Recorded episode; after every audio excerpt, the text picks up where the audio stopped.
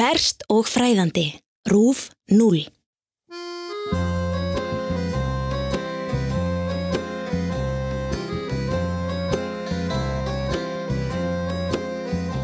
Ímyndaðu þér í stuttastund ágæti hlustandi að þú sérst að hlusta á gamalt stuttbylgi útvarp. Þú snýrð tökkunum á útastækinu fram og aftur í leitað einhverju áhugaverðu, finnur ekkert í fyrstu nema eintóma skruðninga, þanga til að fer að móta fyrir einhverju.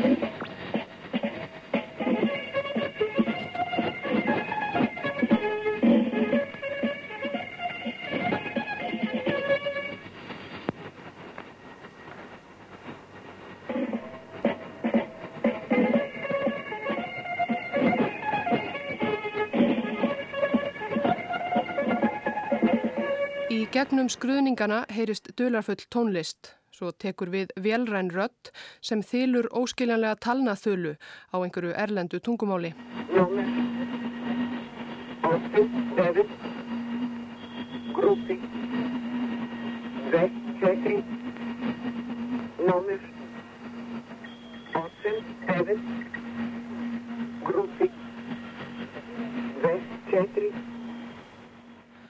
Sá sem ferðast um skuggalega afkima stuttbylgu útvarsins má eiga von á því að rekast á fjölmarkar stöðvar eins og þessa á ferðum sínum. Það er koma og fara en alltaf má finna einhverjar. Það eru kallaðar talnastöðvar eða number stations á ennsku og engin veit með vissu hvaðan flestar þeirra eru sendar út, hver tilgangur þeirra er eða hvað talna runurnar sem þeir útvarpa í sífellu eiga einlega þýða.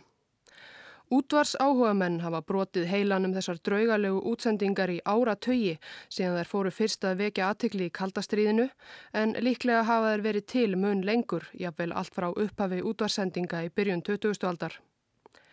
Stuttbylgu útvörp eru útvastæki sem ná sendingum á stuttbylgu eins og nafnið gefur til kynna. Stuttbylgjur eru útvarsbylgjur á tíðinni millu um 30 og 30 megariða. Bylgjurnar hafa þann eiginleika að þær, ólíkt öðrum útarsbylgjum, endur kastast á jónkólfinu efri kluta loftjúpsjarðar og speiklast svo aftur niður til jarðarinnar. Það gerir það verkum að stuttbylgjusendingar geta borist mjög langar vegalengdir, lengra en flestar aðrar útarsendingar.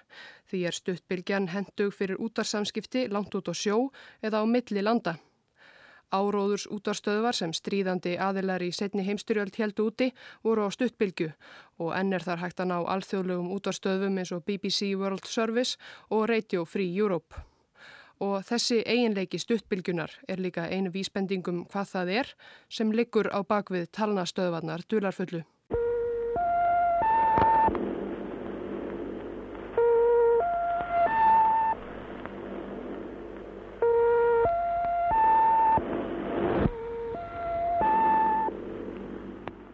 Margir telja nefnilega að það séu leini þjónustur sem haldi úti þessum stöðvum eins og CIA í Bandaríkunum, MI6 í Breitlandi, Ísraelska Mossad, KGB og sambærlega stopnarnir í öðrum löndum. Stöðvarnar séu leið til að koma leinilegum skilabóðum og fyrirmælum til útsendara og njóstnara í öllum heimsornum. Til þess að taka á móti skilabóðunum þarf njóstnarinn ekki háþróaðri eða grunnsamleiri tækjabúnað en lítið rafluðu knúið útvarp sem getur numið stuttbylgu. Og ef staðið er rétt að málum er líka lítil hætta á að óvinnurinn náið að hlera skilabóðin. Til þess þyrti hann að vita nákvæmlega hvenar hann á að hlusta á hvaða tíðni og síðan að ráða dölmálið. Því ef þetta er skýringin, þá eru talnarunurnar sem velrænir útarsþulir talnastöðvana þylja nær vafa löst á dullmáli. 0, 0, 9, 6 2, 2, 5, 1 2, 1, 1, 0 8, 1, 0, 5 Líklega er notast við það sem kallað er í dullmálsfræðum einnota dullmál eða einnota blokk, dullkóðun sem byggir á flóknum einnota dullmálsliklum. Hafi maður ekki líkilinn er í raun ómögulegt að ráða slíkt dullmál. Áhuga menn hafa í gegnum árin sapnað dæmum um og upptökum af ótal talnastöðum. Margar náðust einungis á ákveðnu stuttu tímabili, eru kannski löngu hortnar, en aðrar hafa útvarpað árum og áratugum saman. Þær eru margvíslegar á fjölda tungumála en flestar þó nokkuð svipaðar Útsendingarnar hefjast á ákveðnum tímum, kannski á heila tímanum eða kannski á einhverjum óutreiknarlegum tíma eins og 12 mínútur í 2 eða 17 mínútur yfir 6. Fyrst er jafnan spiluð einföld laglína sem er endur tekinn nokkrum sinnum áður en talnað þulan tekur svo við. Einn fræg talnastöð er kalluð Lincolnshire Poacher. Hún er svo nefnd því útsendingar hennar hefjast á laglínu enskrar þjóðvísu Lincolnshire Poacher, veiði þjófurinn í Lincolnshire.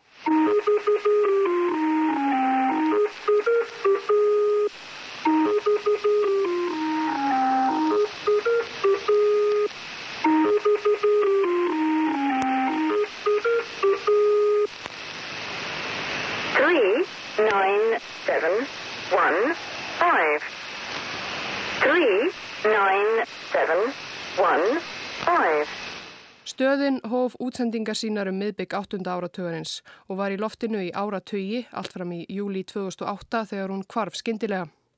Áhuga mönnum hafði þá tekist að rekja útsendingar hennar alla leiði ákveðið útvarsmastur í breskri flugherstuð á Kýpur.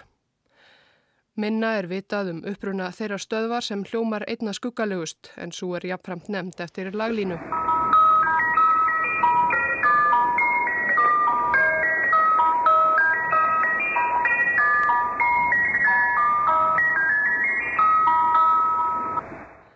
Útsendingar þessara stöðvar hefjast á upphafstónum sænskra rapsotíu eftir sænska tónskaldið Hugo Alvén, spilað á einhvers konar spiladós eða klukkuspill. Þegar laglínunni líkur tekur svo við barnsrött sem telur á þýsku.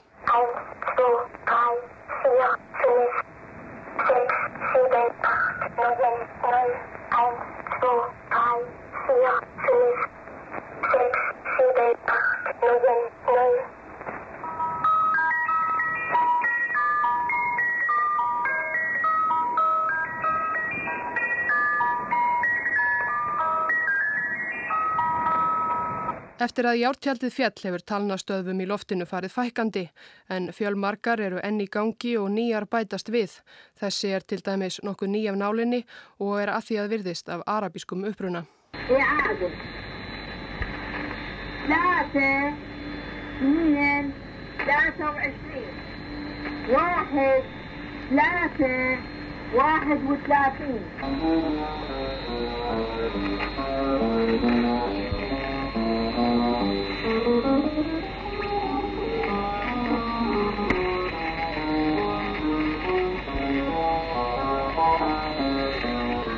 Það eru ekki íkja margir sem stunda það að flakka um stuttbylgjurnar, ekki lengur allavega.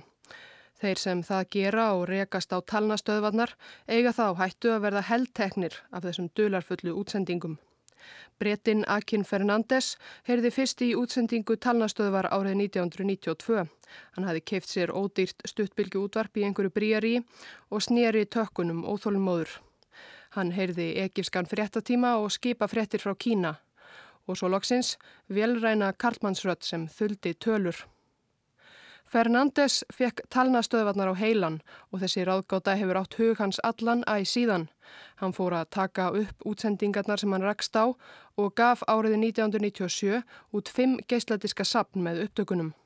Sapnið heitir The Conet Project og upptökunar sem hér hafa verið spilaðar eru þaðan. Sapnið vakti þó nokkra aðtegli og er í dag orðið að einhvers konar kvöld fyrirbæri. Hljómsveitir hafa notað brot úr upptökunum í lögsín, til dæmis má heyra brot úr sænsku rapsótíu stöðinni í loklags á Plötu Vilkó Janki Hotel Foxtrot. Í bæklingi sem fylgir með Conet Project diskunum skrifar Akin Fernandes að þó hann hafi í gegnum árin átt samskipti við fjölda fólks sem hlustaði á og hafði áhuga á talnastöðum, lendi hann í vandræðum þegar hann hafði í hyggju að gefa upptökunar út. Allt í einu vildu félagar hans ekki lengur hjálpunum og kvöttu hann til að hætta við áformin. Er þetta ekki ólöglegt, spurðu þeir, full vissir um að Fernandes myndi lenda í vandræðum fyrir að vekja aðtegli á stöðunum en Fernandes getur ennum frjálst höfuð strókið en það hefur engin leini þjónusta nýja nokkuð ríki, nokkuð tíman viðurkenda hafa sett upp eða notast við talnastöðvar. Ef þær eru eins og svo margir telja samskipta tæki fyrir njósnar á leini þjónustumenn þá kvílir enn leindi við starfsemi þeirra. Af og til koma þó vísbendingar upp á yfirborðið. Árið 1998 réðust breskir sérsveita menn inn í íbúð á þriðjuhæði fjölbillishúsi í Norður Lundunum. Eigandi íbúðarinnar kallaði sig Erven van Harlem og var listaverkasali frá Hollandi, eða hvað? Þegar lauruglumenna barað gardi satt listaverkasalinn svo kallaði hókinni við litlu stuttbylgu útvarstæki og skrifaði í gríð og erg niður talnarunur sem þulur í útvarpinu las upp. Þetta kom ekki á óvart. Breska leinithjónustan MI5 hafði fylst með íbúð fann Harlems í marga mánuði. Hann var enda kvorki listaverkasali nýja hollendingur, heldur njóstneri í teknisku leinithjónustunni sem dvalið hafði í Breitlandi í 13 ár. Allan þann tíma hafði hann tekið á móti fyrirmælum frá yfirbóðurum sínum í Prag í gegnum útastækið. Haustið 1998 hann tók bandaríska alrikislauruglan tíu kúpverja í Miami á Florida. Fólkið var sakað um að tilheyra njóstnarring á vegum kúpustjórnar sem áttu að njóstna um kúpverska andofsmenn í bandaríkunum. Ringurinn var kallaður Larat Avispa eða Vespunetið. Þegar réttað var yfir liðsmönnum Vespunetsins leik stuttbylgu útvarstöð leikil hlutverk. Áhuga mennum talnastöðvar hafa lengi kannast við stöð sem þeir kalla Attention. Atensjón er svo nefnt því dularfullar útsendingar hennar hefjast oftar en ekki á spænska orðinu atensjón takið eftir. Atensjón 3, 8, 9, 5, 9, 0, 4, 4, 7, 3, 3, 8, 9, 5, 9, Saksóknarar í málinu gegn kúpversku njósnurunum heldu því fram að stjórnvöld á kúpu hafi komið leini skilabóðum til njósnarhingsins í gegnum þessa stöð. Talna raunurnar voru skilabóð og dullmáli sem þeir einir höfðu getu á að leysa úr. Njósnarannir áttu allir lítil stuttbylgi útastæki og þegar Alrikislauruglan leitaði í íbúð eins njósnarans fundu þeir fartölfu með tölvuforriti sem sneri talna raununum í skilabóð á spænsku. Með því forriti gáttu alrikislauruglumenn svo ráðið í nokkur skilaboð frá Atensjón stöðinni. Þrjú dæmi voru tekinum slík skilaboði í réttarhaldunum yfir njósnurunum. Þetta eru stuttarsendingar, það er tímafrækt að eiga samskipti í gegnum talnastöðvar þar sem yfirleitt áknar hver tala í þölunni einn bókstaf. Öll skilabóðin sem hér á eftir fara hefðu tekið meira en mínótu að útvarpa. Samt sem áður virðast njósna meistararnir á kúpu bæði hafa notað þennan samskiptamiðil til að senda njósnurunum brín fyrirmæli sem og einfaldar baráttu hverjur. Leggið áherslu á og haldið áfram að rækta vináttuna við Joe og Dennis. Undir engum kringumstæðum ættu útsendararnir German og Castor að fljúa þann 2004., 2005., 2007. eða 2007. Óskum öllum kvennkins félögum til hamingjuð með alþjóðlega kvennadaginn. Oleg Vladimirovits Penkovski, ofursti í soviska hernum, var tekin af lífi af soviskum yfirvöldum í Lubjanka fangilsinu í Moskvu þann 16. mæ árið 1963. Penkovski hafði gert segur um há alvarlegan glæp. Hann var njósnari. Um árabil hafði hann notfært sér stöðu sína sem yfirmaður í hernum og sendt viðkvæmur upplýsingar til Breitlands og Bandaríkjana. Það var Oleg Penkovski sem fyrstur let vesturveldin vita af því að sovjetmenn hefðu komið fyrir kjarnorku skottpöllum á Kúpu. Í bókinni Spycraft sem kom út árið 2009 fjallar höfundurinn Robert Wallace, fyrirverandi yfirmaður tæknimála hjá bandarísku leinithjónustunni CIA, um þá tækni sem CIA notaði til njóstna á dögum kaldastriðsins. Í bókinni er fjallað ítarlega um mál Penkovskis. Þó hann hafi verið eitt mikilvægasti njóstnar í bandaríkjana í Sovjetríkinum á þessum tíma, notaðist hann að mestu við frumstæða tækni. Hann var engin James Bond. Hann skrifaði skilabóð til yfirbúðara sinna á miða og faldi í klósettkössum og konfektöskum og tók myndir af leyniskjölum með venjulegri myndavil. Eitt hafði hann þó, skrifar höfundur Spycraft. Eina tæknin sem Penkovski notaðist við og mætti kalla háþróaða var móttaka einhliða skilabóða. Dölkóðuðum skilabóðum var útvarpað á stuttbylgjutíðinni á ferirfram ákveðnum tímum úr útvarpsendi sem CIA átti í vestur Evrópu. Penkovski hlustaði á skilabóðun í Panasonic útvarstæki. Talnarunur lesnar með yfirvegaðri röttu og réði dullmálið með dullmálslikli.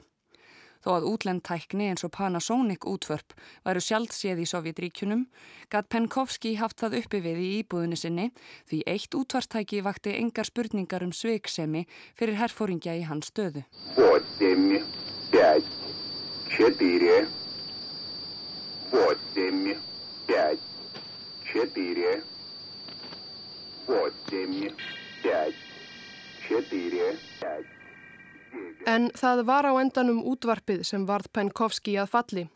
Þegar grunnsemdir vöknuðu um hann komu útsendarar KGB fyrir hljóðnemum í húsakinnum hans og hleruðu allt sem þar fram fór. Meðal annars þegar Penkovski satt og hlustaði á útsendingar talnastöðvarinnar sem honum var ætluð. Þá komuður fyrir myndavel í loftinu fyrir ofan skrifborðans og tókuðu myndir af skrifblokkinni þegar hann er réð dölmál skilabóðin úr útvarpinu.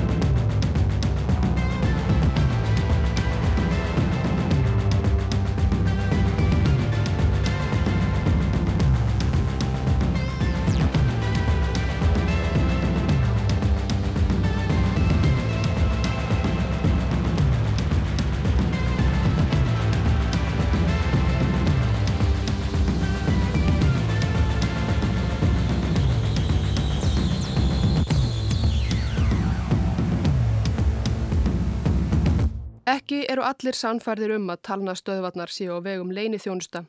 Engverir hafa velt fram þeim möguleika að um einhvers konar gapp eða rekk sé að ræða. Útsendingarnar séu það skrítnar. En það verður að teljast hæpið. Stöðvarnar hafa jú margar hverjar verið í gangi í ára tugi og dýran tækjabúna þarf til að senda þær út svo þetta veri ansi mikið í lagt fyrir prakkara. Aðrir hafa veitt í aðtegli að stór hluti talnastöðvana er á spænsku. Það kann að vera að það séu ekki bara njóstnærar sem nýti sér þennan samskiptamáta, heldur einnig glæpagengi og eiturlifja smiklarar í Rómönsku Ameríku. Og enn er ótal margt á huldu meina allra dularfylstu stöðina sem finna má öldum stuttbylgunar ef svo má að orði komast.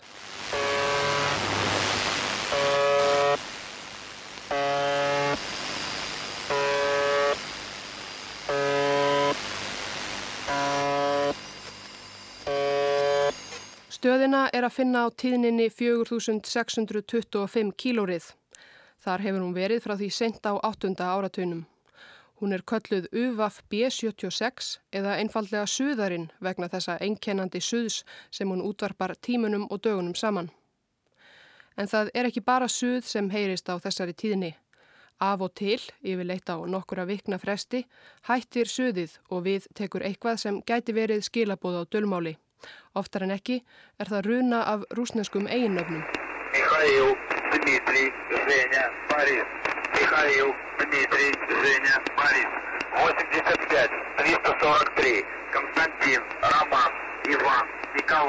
Ulljana, Mikhail, 01, 48 UVAF B76 er ekki hefðbundin talnastöð en margir telja að hún hljóti samt að vera af svipuðum toga, hvað annað geti útskýrt þessar óskiljanlegu útsendingar. Þann 5. júni árið 2010 þagnaði stöðin skindilega þeim fjölda fólksum heim allan sem fylgist með útsendingum hennar til mikillar fyrðu. Um sólarhing síðar byrjaði suðið aftur eins og ekkert hefði í skorist. Næstu mánuði hagaði stöðin sér fyrðulega. Suðið kvarf aftur og aftur en kom jafnan aftur einhverjum klukkustundum síðar. Af og til heyrðust einhvers konar trublanir og bíp sem gætu hafi verið moss skilabóð. Í september þetta sama ár þagnaði hið enginandi suð stöðvarinnar æg oftar en í staðinn barst í gegnum þunga skruðningana dans litlu svanana úr svanavatni Tchaikovskis.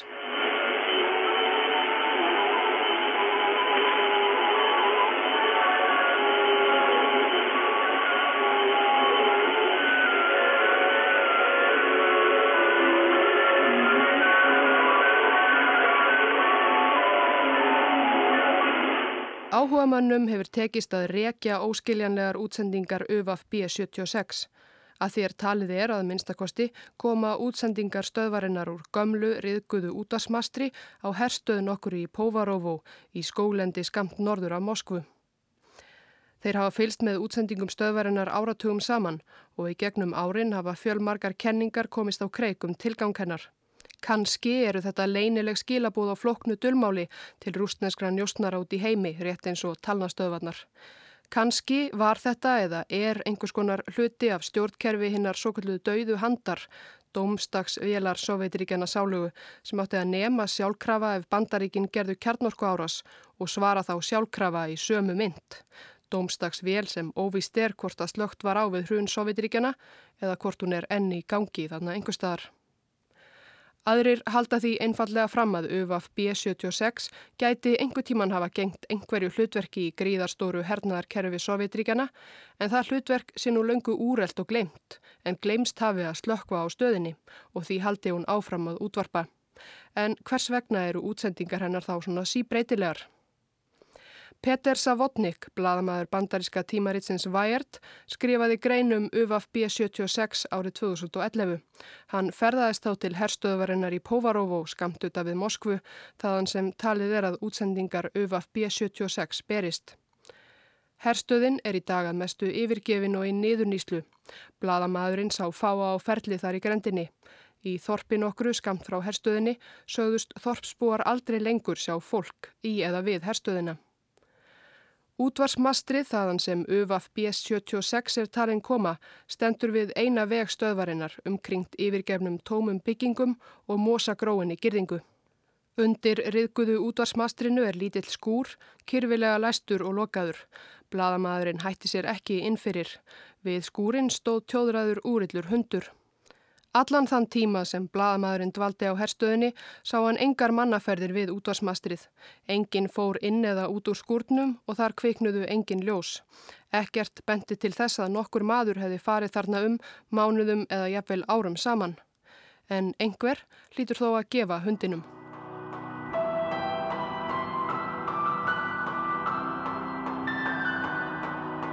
Sa att vi var som syster og bror, som datter og far, sønn og mor. Som kompis og